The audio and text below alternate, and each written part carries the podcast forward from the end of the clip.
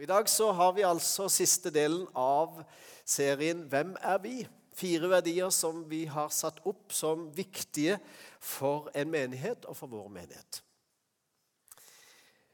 Um, I dag så er det tjeneste som står uh, på dagsorden, holdt på å si. Uh, vi leser fra Uansett så leser vi det samme fra Apostlenes gjerninger, kapittel 2, fra vers 42. De holdt seg trofast til apostlenes lære og fellesskapet, til brødsbrytelsen og bønnene.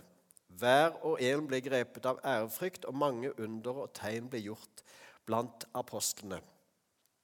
Alle de troende holdt sammen og hadde alt felles. De solgte eiendommene sine og det de ellers eide, og delte ut til alle ettersom hver og enkelt trengte det. Hver dag holdt de trofast sammen på tempelplassen, og hjemmene brøt de brødet og spiste sammen med oppriktig og hjertelig glede. De sang og lovpriste Gud og var godt likt av hele folket, og hver dag la Herren nye til som lot seg frelse. Det er flott. Det var liksom ikke en stopp i begynnelsen av dette her. Og Nå har vi altså disse fire verdiene som vi tror var til stede i den første menighet, veldig tydelig når vi leser denne bibelteksten spesielt. Og I dag så skal jeg si litt om det å tjene eller tjenesten i menigheten.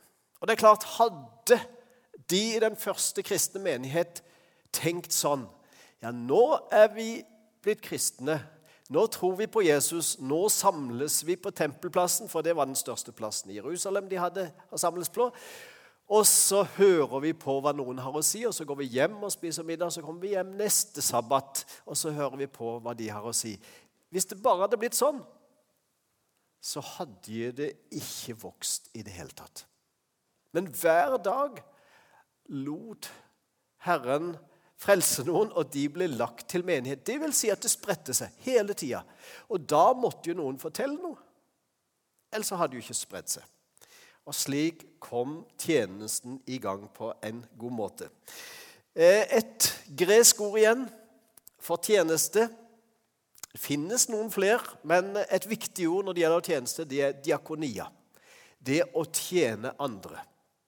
Og jeg skal bruke litt tid på å si noe om det i dag.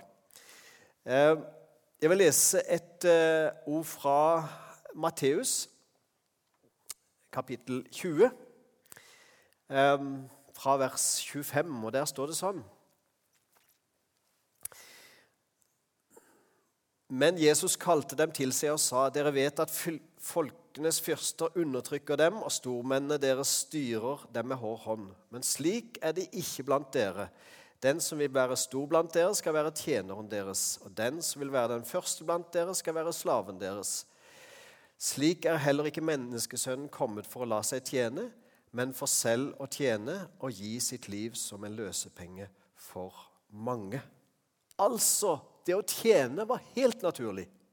Jesus tenkte ikke andre tanker om sin egen tjeneste eller sitt eget liv. Han tenkte at han var kommet for å tjene, ikke noe annet.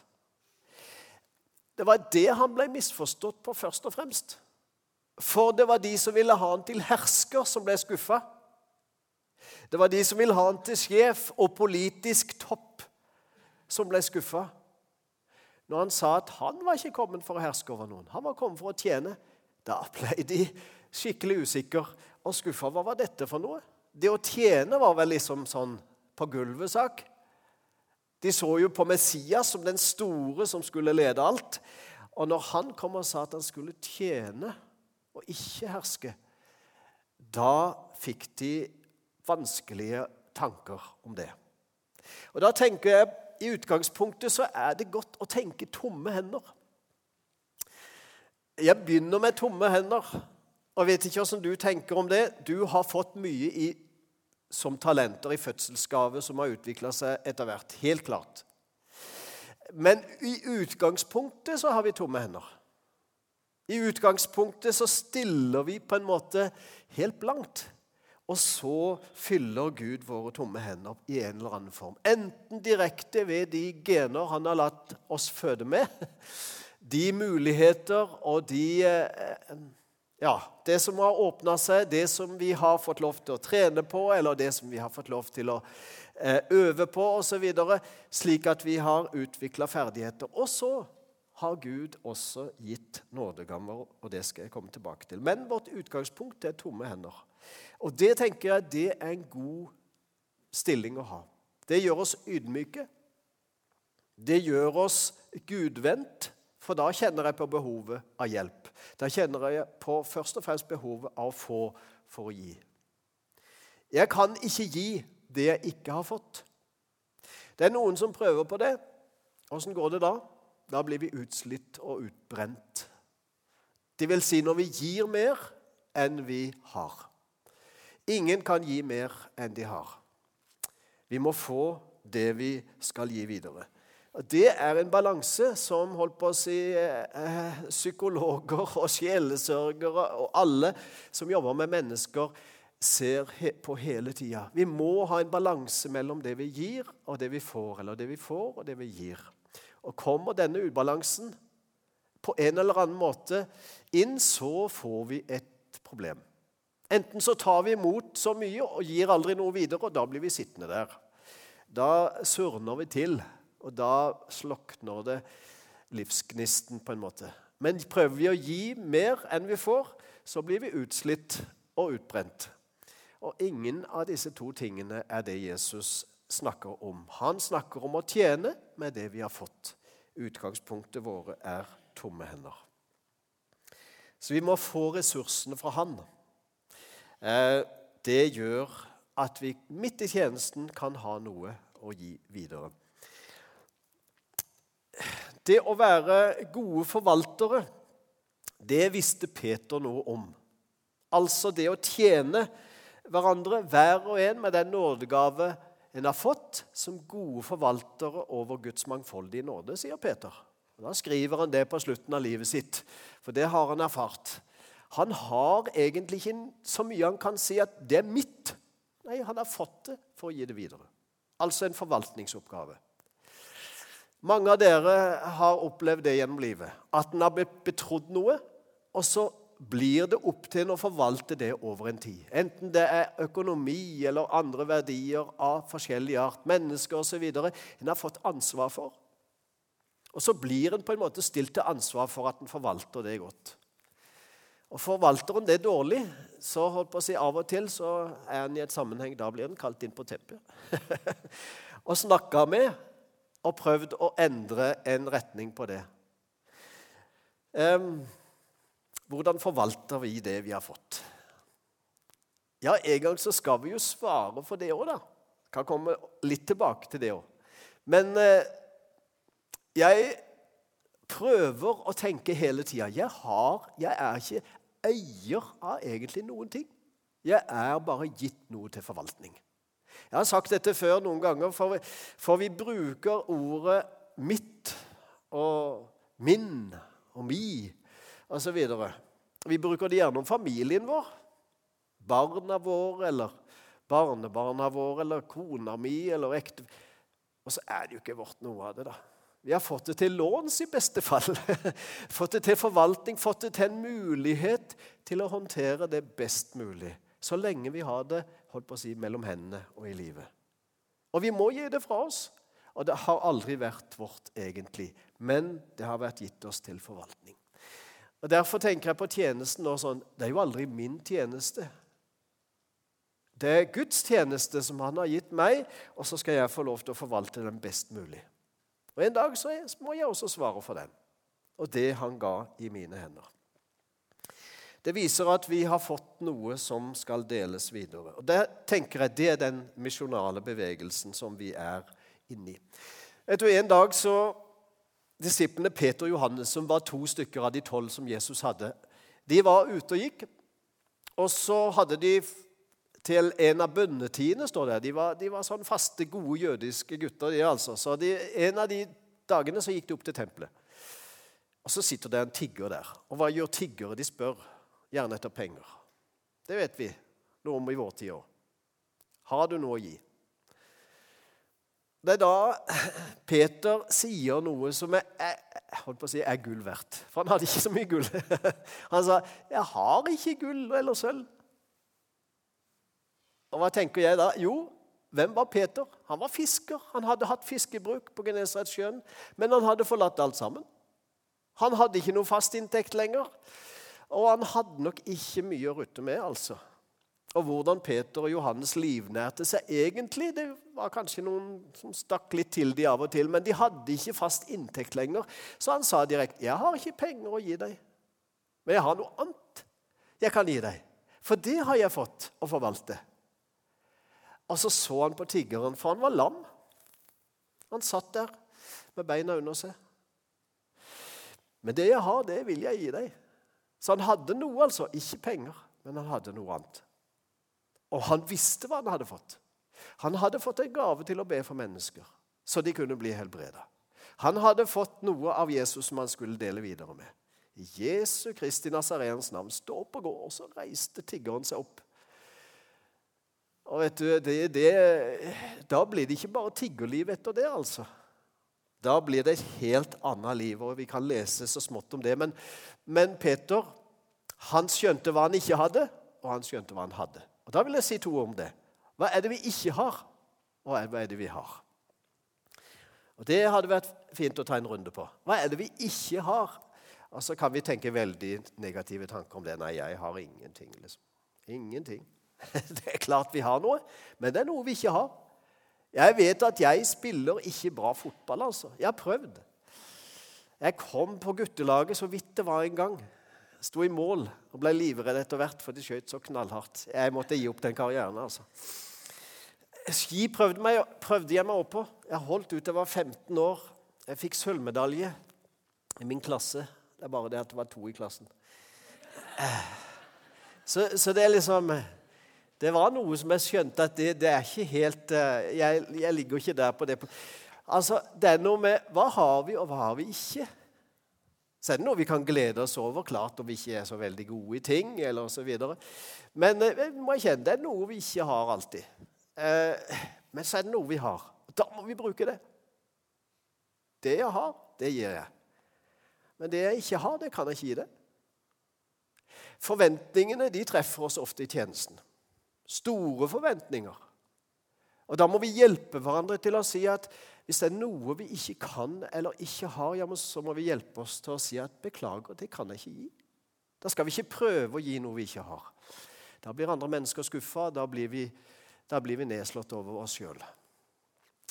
Så la oss hjelpe hverandre å få fram de sterke sidene, og så være ærlige på det vi ikke kan og vi ikke har. Det er et ærlig liv, altså, også innenfor Gud og innenfor mennesker, ikke minst. Så spørsmålet blir egentlig hva er det jeg har fått, egentlig? Stopper det hos deg og meg? For det er tragedien. Når det vi har fått til å forvalte, stopper hos deg og meg. Eh, Peter sa en god forvalter over Guds mangfoldige nåde. Det er mye. Skulle vi lagt ut Guds mangfoldige nåde, så er det kolossalt mye som vi kan snakke om. Skal ikke ta det her i dag, men, men Peter sa noe om at her fins det en, en variasjon av gaver og tjenester og muligheter som kristne har fått for å tjene. Da skal vi få kalles gode forvaltere. Og Jeg er veldig glad for at det fins mange som gjør en frivillig tjeneste her i menigheten. Det kommer jo ikke an på antall ansatte, altså. Det kommer an på antall hender som er villige til å tjene. Gi det videre det vi har fått. Forvalte det godt, altså. Talenter, ja. Det er noen som har fått noen ekstremt gode talenter eh, i livet. Jeg vet ikke om dere kjenner han karen her. Han er litt i vinden om dagen. Han er trener for en viss eh, størrelse av en klubb borte i England. Solskjær. Han gjør det godt om dagen. Jeg, jeg, tror han tok sin eh, jeg vet ikke nummer i rekka det var av seier etter han begynte på, som trener der nå. Eh, og Jeg var på tur i Kina for en del år siden. faktisk. Da spilte han på det laget i England som han er trener for nå. Kom jeg inn i en fotoforretning inne i en by. Eh, langt inn i Kina. Helt sånn var ikke et veldig stort sted. og når, ikke, når, jeg sier det var ikke et veldig stort sted, så var det litt under en million innbyggere i Kina. Så det var en by ingen hadde hørt om, på en måte, men vi, vi stoppa der. Eh, og, og, da eh, gikk vi inn i en fotoforretning. For jeg skulle kjøpe en minnebrikke. Jeg trodde det var det jeg måtte ha til kamera. Så, og så var det en eh, litt yngre kar som eh, betjente oss der. Han kunne bare kinesisk, og vi hadde med tolk, så det gikk bra. Eh, og Så kikka han på oss og så spurte han gjennom tolken hvor er dere fra. For han så at vi var ikke kinesere. Det var ikke så vanskelig å se. Eh, men eh, så sa jeg vi er fra Norge. Oh, han visste én ting om Norge, sa han. Solskjær. det var det eneste han kunne om Norge. Visste ikke noe om Norge. Visste ikke hvor det lå i verden, om det var stort eller lite land, eller hvordan folk så ut. Han så meg, da. Men, men ellers Solskjær, det visste han. En engelsk fotballspiller. Det kunne han. Så eh, det er noen som har ekstreme talenter, altså, som vises litt ekstra. Og han eh, vises mye eh, for tida. Men, men, hvordan er det egentlig med tjenester? De talentene vi har fått. Um, Jesus fortalte en lignelse en dag. Han sa det var tre som fikk talenter utgitt. Tre tjenere til en eh, godseier. Og Den ene fikk én, den andre fikk to, den andre fikk fem. Og talenter, altså det var viss penge, pengeverdi i, i, Israel den gangen. Og Så sa han at nå reiser jeg vekk, og nå er dere betrodd dette til å håndtere det og forvalte det. Og når jeg kommer tilbake igjen, så får dere gjøre regnskap. Og det er klart at Når vi vet at det kommer en regnskapens dag, da bør vi, da bør vi håndtere det. Vet vi ikke og tenker at det er jo ingen som kommer til å spørre meg gjennom det, ja, så det er ikke sikkert vi gjør så mye med det, men når vi vet det at en dag så blir vi spurt om det, hva gjorde vi med livet? Hvordan håndterte vi talentene? De gjorde i hvert fall det. For de visste at han kommer igjen, og han kommer til å spørre meg. Og det var han med fem og han med to. De satte de i sving, vet du. For de visste at penger det hadde de jo vanligvis ikke fått så mye av. Eh, men da visste de hvem de skulle gå til. Panteutlåneren, eh, pengeveksleren som eh, greide å omsette penger, så det steg, og det ble renter på det, og de fikk tilbake igjen. Og, og Han med fem tjente fem til, og han med to tjente to til. Og han med én han så på det lille han hadde, og tjente ingenting, for han stappa det vekk og gravde det ned til Herren hans kom igjen. Og han hadde bare én han kom igjen. Og Da kan vi si at jeg tror også det var da som nå verdien synker litt hvis du tar ei krone, så er ikke ei krone like mye verd nå som det er antagelig om fem eller ti år. Det er ikke sikkert vi har kronetallet nesten igjen, altså, på grunn av at det er blitt så lite verd. Så den var egentlig mindre verd, den talenten, når Herren hans kom tilbake igjen, enn den han fikk. Og han måtte svare for det. Og han fikk et hardt svar. Hvorfor satte ikke du det i sving, det du hadde? Jeg forlanger ikke det samme av deg som han som jeg har fem, og han som jeg har to. Men jeg gjør deg ansvarlig for det du faktisk har fått. Og Det er sånn vi av og til tenker at jeg, jeg har så lite, det er, det er liksom ikke noe verdt å tenke på, så jeg gjemmer det vekk. Så er det ingen som ser det, så er det ingen som spør etter det, så er det ingen som legger merke til det. Vet du, Jesus ser alt, ikke for å ta deg, men han har betrodd deg det du har fått. Og han kommer ikke til å sammenligne deg med sidemannen. Kommer ikke til å sammenligne deg med ektefellen eller kamerat eller vennskap eller noen. Han kommer til å ha et direkte forhold til deg og det du har fått. Og Så er det et alvor over det, og så er det også en nådig betraktning over det. Han kommer ikke for å ta deg. Han kommer for å ansvarliggjøre deg og sa at 'jeg ga deg mye'. Hvordan brukte du det for dine venner, for din familie, for ditt lokalsamfunn osv.? I din menighet der du går. Det er slik han ansvarliggjør mennesker, og det er godt. Så evaluering det blir ikke målt i suksess, det blir målt i troskap. Det vil si, vi er tro mot det vi har fått, ikke mot det andre har fått. Bare mot det. Ikke noe annet. Og så kan holdt på å si, avkastningen være liten eller stor, det er mindre viktig for Gud. Troskap er avgjørende for ham. Gud betror oss, og han ber oss om troskap. Og Legg merke til at den som fikk det som var utgangspunktet for vekst for Gud, den hadde også ansvar for å omsette det. Det vil si at det er eh, noe med tjenesten som er eh, spesiell. Tjeneste er litt merkelig ord på norsk. For av og til så har vi en tilleggsord på tjeneste. Vi bruker sjelden 'tjeneste' som eneste ordet. Vi bruker eh, omsorgstjenester, eller vi bruker til og med gudstjeneste. Eh, vi bruker eh, vi bruker vennetjeneste osv. Vi bruker sånne tilleggs, så vet vi hva det handler om. Men når vi sier tjeneste, hva tenker vi på da? Eh, det er jo mange ord som er avledet av det. Du kan si tjener eller å tjene osv. Men én tjeneste. Her har vi diakonien som en viktig ting. da. I den første menighet, hvordan var det der? Jo, hvis vi hadde lest kapittel 6 i Apostlenes gjerninger, så hadde vi sett at det er tre ting som utvikla seg med en gang i den første menighet. Tre ting. For det første så var det ordet, ordets tjeneste og bønnens tjeneste. De var liksom selvfølgelig med en gang. Men de så kjapt at de måtte ha en tredje tjeneste, og det var tjene ved bordene, står det. Og jeg tror faktisk det var et samlebegrep for veldig mange praktiske tjenester i menigheten. Det måtte få det til å fungere. For nå var de ikke tolv lenger. Det hadde de liksom holdt styr på. Men nå ble det masse folk. Og det var jo ikke sånn at 5000 var til stede samtidig. De men det var masse husgrupper og masse samlinger der det til sammen ble mange. Og da måtte de organisere seg. Så de måtte reorganisere seg som disipler. Og de tenkte at nå er vi tolv, det er altfor lite. Og så valgte de sju diakoner. Og så ble de 19. 19 med en spesiell innvia tjeneste. De la hendene på dem og innvia dem. Og Det var ikke sånn at eh, om du skulle dele ut ved bordene, så liksom, da var det ikke så farlig hvem du var. Nei, det var viktig, like viktig det, hvem du var. At du trodde på Jesus, at du bekjente han, at du hadde et, eh, at du hadde et liv som du ønska å leve etter hans ord osv. Det var viktig. De første diakonene, eller tjenerne ved bordene, ble valgt. To av de er mest kjent. Stefanus og Philip. Hva står det egentlig om Stefanus og Philip? Det står veldig lite om hvor mye de, disk, de diska opp med av mat. Eller hvor mye de vaska opp, eh, opp, etterpå. Men de gjorde det òg, vet du.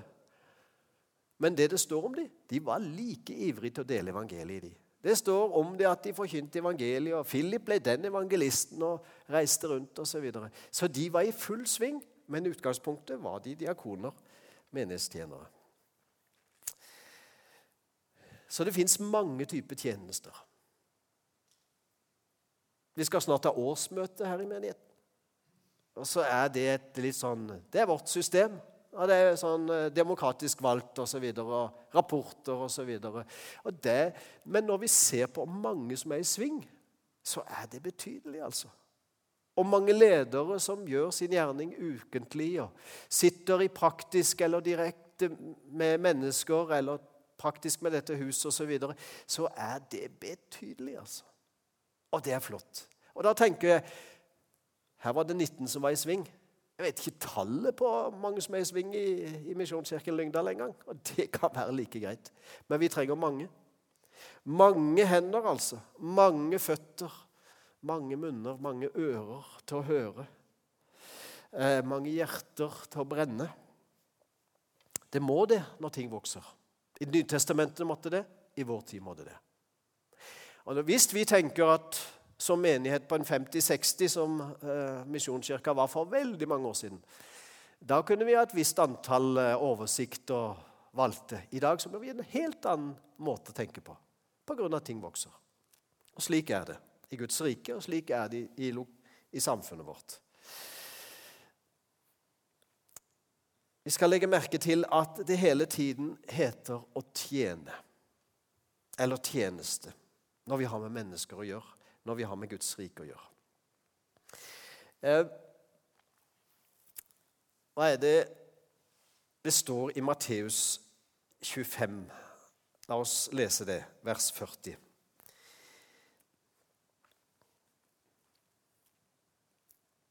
Sannelig, jeg sier dere, det dere gjorde mot én av disse mine minste søsken, har dere gjort mot meg. Det er Jesus som sier det. Det kommer på slutten av den der fortellingen om talentene. Etter det. Så når vi tjener noen, så tjener vi Gud. Søndag klokka 11. Gudstjeneste. Komme inn i kirka, sette seg ned, delta i sangen, høre, be osv. Være til stede, drikke kaffe etterpå, snakke med hverandre. Gudstjeneste. Men hva er egentlig det? Hva er det å tjene Gud? Å tjene Gud er å tjene hverandre. Det er det Jesus sier. Har dere tjent et annet menneske, så har dere tjent meg. Om dere hjelper et annet menneske, så er det en gjerning dere gjør imot meg. Det er, det er sterke ord. Jeg håper vi tar det inn i oss og tenker at når vi rekker ut hånda til et annet menneske, om noen ser det eller ikke, om noen legger merke til eller ikke, om noen skriver om det eller ikke, spiller ingen rolle. Da rekker vi handa mot Gud. Om vi velsigner et annet menneske, velsigner vi Gud. Om vi tenker gode tanker om et annet menneske, så tenker vi det om Gud. Derimot, det negative slår også direkte inn på vårt gudsforhold. Det skal vi jo legge merke til. Når vi nekter å hjelpe noen som vi kunne ha hjulpet, så lukker vi oss også til for Gud. For jeg tror det har en konsekvens, det ordet der.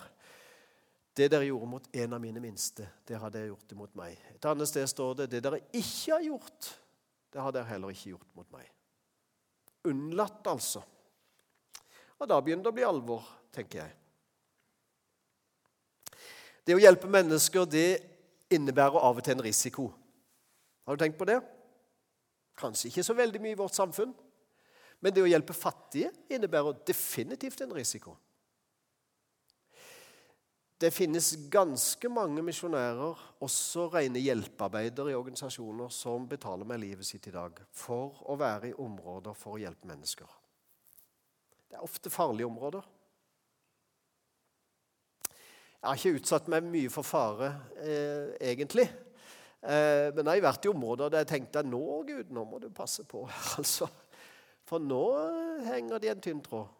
Og jeg vet, jeg har ikke kontrollen, men det har du. Når det var et våpen i nærheten, og de har peka både på meg og andre med de, automatvåpen, eller vi har vært i sånne områder der du ikke helt vet, og du bør komme deg ut før mørket faller. Ellers er det fryktelig usikkert å være her. Stort sett utenfor Norge, da. Det kan innebære risiko å tjene andre. Stefanus, den første diakon, han ble også den første martyr. Han ble drept for sin tro og for sin tjeneste. Det er underlig å tenke på at han som har skrevet de meste av brevene i Det nye testamentet, han som var den store misjonæren Paulus, han som fikk bety så mye for så mange, også for oss i dag Han var der når Stefanus ble steina og drept, den første diakonen. Han nikka og var enig i mordet på Stefanus, står det. Knallhard type kjempa mot de kristne. Nettopp han skulle bli frelst. Nettopp han skulle omvende seg og få et helt annet liv og få en helt fantastisk tjeneste. Det står ingenting om Paulus sitt liv, eller Saulus, som han da ble kalt, før han ble kristen. Det var ikke kalt tjeneste. Det var forfølgelse. Det var eh, knallharde ting. Det var urettferdighet og skikkelig urett som ble begått, og han var med på det alt sammen. Men etterpå, når Paulus vendte ryggen til det livet og omvendte seg og fikk et nytt liv, da gikk han inn i det vi kaller tjeneste. Og Paulus er kanskje en som skriver veldig mye om å tjene Gud. Og Han sier til og med jeg som ble betrodd denne tjenesten jeg, skulle all, altså jeg er jo den minste av alle, for jeg har forfulgt Guds menighet. Forfulgt Guds kirke. Jeg skulle jo aldri ha fått dette, jeg. Det er Guds nåde i meg alt sammen, sier han. Bare Guds nåde. Jeg hadde ikke fortjent noe av det, men Gud ville bruke meg da han satte meg til tjenesten. Så til og med med et ille utgangspunkt, det verste vi kan tenke oss når en forfølger og dreper kristne mennesker, og så kan bli en av de største tjenerne som er betegna opp gjennom kristen historie. Gud kan gjøre under, altså. Tjeneste betyr risiko, men det betyr også enorm glede. Og enorm mening. Det hender jeg har sagt til mennesker om jeg kommer opp i 50-åra, eller mer, og som tenker jeg har, jeg har opplevd det meste av livet nå. Nå er det litt kjedelig, og det skjer ikke noe nytt. liksom, og skal finne på å liksom eh, male huset for tredje gang eller å dra på den ekstraordinære ferien osv. Det, liksom, det gir ikke noe mening. Nei, jeg skjønner det. Da har jeg sagt finn noen mennesker du kan tjene. Finn noe som kan engasjere ditt hjerte for andre mennesker. Det vil gi mening. Og Noen har tatt det rådet, som jeg mener er et godt råd, på alvor. Og jeg ser hvordan lyset begynner å skinne i øynene igjen. Det å hengi seg for andre mennesker når du har alt. Når livet begynner, og du ser at dette blir kjedelig Ja, til og med livet kan bli kjedelig altså i vår del av verden. Det har jeg aldri hørt noen andre mennesker i andre del av verden sagt, da, men det, sånn er litt uh, vår rike del av verden, altså. Men tjen andre mennesker, da blir det ikke kjedelig. Vær noe for andre. Det gir mening. Så glede og mening i livet det kommer av å tjene andre. Tjene andre med glede. Tjene hverandre. Vær med den nådegave vi har fått, sier Peter. Jeg slo opp eh, et annet ord fra menighet, og jeg skal slutte med det i dag. Det kristne fellesskapet. I begynnelsen så brukte vi eklesia, forsamlingen. Et annet gresk ord i Det nye testamentet som brukes like mye, det er koinonia, som betyr fellesskap, rett og slett. Eh, et kristent fellesskap. Og nå eh, har jeg bare henta ned altså Det som står på veggen nå, det står ikke i Bibelen. Det står på Wikipedia. det står på nettleksikonet. Wikipedia. Men, men, se hva som egentlig står der, altså. Koinonia det er et fellesskap felles deltakelse, den delen som en har i noe, deltakelse, en gave som er felles, en samling, et bidrag etc., det identifiserer den idealiserte tilstanden av fellesskap og enhet som burde eksistere i den kristne kirke, Kristi legeme. Det skriver de på Wikipedia. Koinonia. Er eh, Misjonskirken Lyngdal eh, ideell? Er, det, er den optimal? Er det et idealisert fellesskap? Nei. Jeg har ikke truffet noen menigheter som ser sånn ut. Ikke i Afrika, ikke i Østen eller Sør-Amerika eller her i Norge. Det var faktisk en menighet som ba vår generalsekretær i Misjonskirken Norge om å kunne finne en fantastisk pastor til menigheten deres, for de fant ikke noen sjøl. Og Nå sier jeg ikke, ikke, det på mine egne vegne, eller hadde ikke noen ting med pastorer her å gjøre. Men da sa generalsekretær ok, jeg skal finne en fantastisk dere hvis dere kan presentere for meg en fantastisk menighet. Det kunne ikke han som spurte, altså. For de hadde ikke det. De hadde litt problemer, og det var litt rufsete i kantene. Så de ville ha det fantastiske der framme, på en måte. Men menigheten som sådan var jo ikke fantastisk. Og jeg tenker sånn at det er vi ikke noen av oss. Vi er ikke fullkommen. Vi er ikke ideelle på alle måter. Hva er det som gjør oss nærmere eller mer lik Jesus, da? Jo, det er når vi tjener hverandre med glede. Tjener hverandre i kjærlighet. Når vi rekker ut hender til de som trenger hjelp. Når vi tjener hverandre, da tjener vi Gud. Ok, Wikipedia er én ting. Vi trenger ikke se på Wikipedia for å finne ut hvem Guds menighet er. Vi har prøvd gjennom eh, fire søndager å si noe om menighetens kvaliteter.